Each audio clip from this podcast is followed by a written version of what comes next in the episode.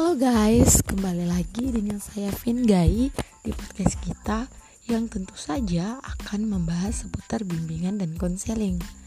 Pada episode kemarin, kita sudah membahas secara umum bimbingan konseling itu seperti apa kan? Nah, pada episode kali ini kita akan membahas lanjutannya yang di mana lebih spesifik lagi dan tentu saja masih seputar bimbingan dan konseling. Untuk teman-teman yang baru bergabung ke podcast ini, jangan lupa untuk mendengarkan podcast saya mengenai peran bimbingan konseling pada episode sebelumnya.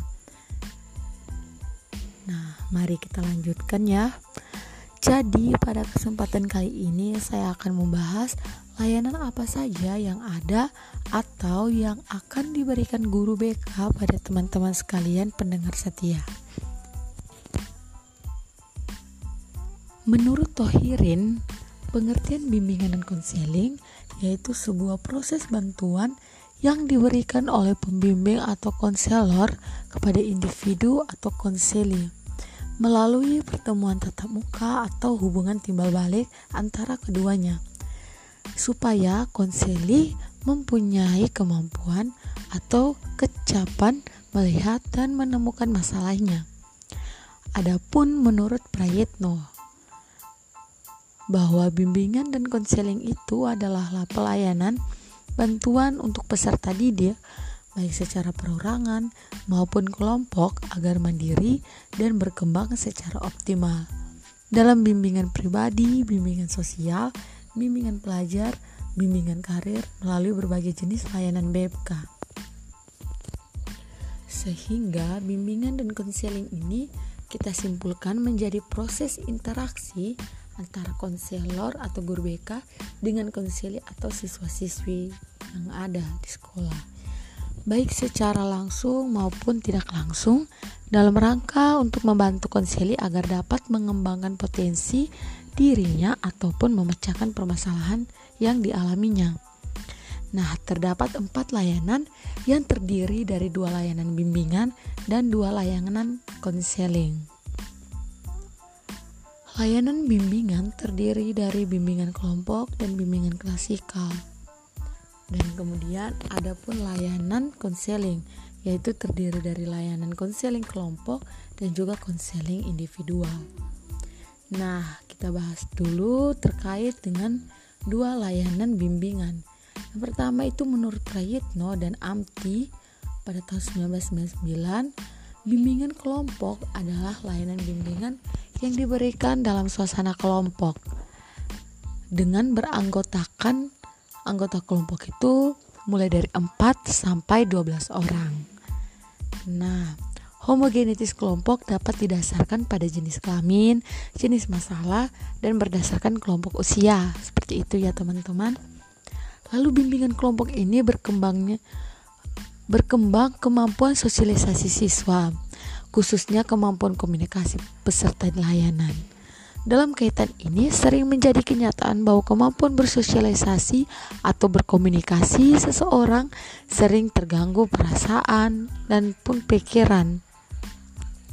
Lalu menurut Santoso, bimbingan kelas atau klasikal adalah program yang direncanakan menuntut konselor untuk melakukan kontak langsung dengan para peserta didik di kelas Secara terjadwal, konselor memberikan pelayanan bimbingan kepada para peserta didik seperti itu.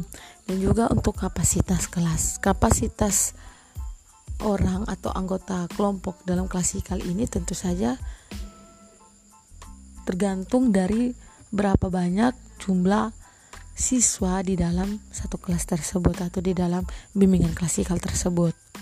Lalu tujuan bimbingan klasikal ini membantu siswa agar dapat memenuhi tugas-tugas perkembangan yang di mana meliputi aspek pribadi, sosial, pendidikan, dan karir.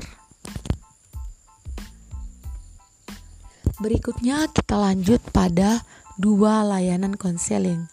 Yang pertama kita akan membahas terkait dengan konseling individual. Jadi konseling individual menurut Tohirin pada tahun 2007 adalah pemberian bantuan yang dilakukan melalui hubungan yang bersifat face to face relat face to face relationship atau hubungan empat mata yang dilaksanakan antara konselor atau guru BK dengan klien, konseli atau siswa-siswi itu tersendiri.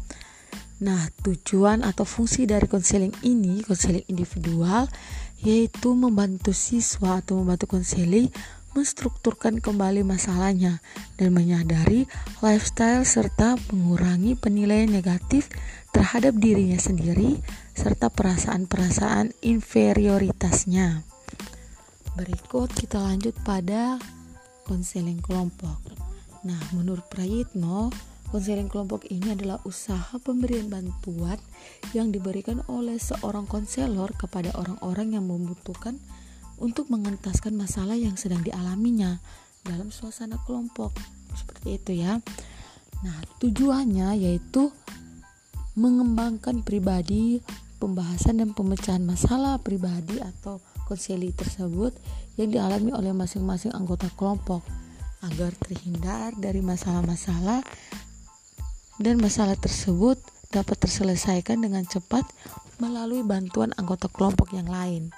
Seperti itu. Jadi bimbingan klasikal bimbingan kelompok dan dan konseling kelompok ini menggunakan dinamika kelompok dalam menjalankan diskusi kelompoknya tersebut. Sedangkan konseling individual dilakukan secara face to face atau secara empat mata berhubungan empat mata seperti itu ya nah teman-teman semua Mungkin itu saja hal yang dapat saya berikan informasi kepada kalian melalui podcast ini. Semoga podcast ini dapat membantu teman-teman sekalian untuk lebih dekat pada guru bimbingan konseling yang ada di sekolah kalian ya. Sehingga teman-teman semua yang memiliki masalah ataupun yang belum bermasalah tidak takut atau tidak merasa terganggu dengan kehadiran seorang guru BK di sekolah kalian. Seperti itu ya.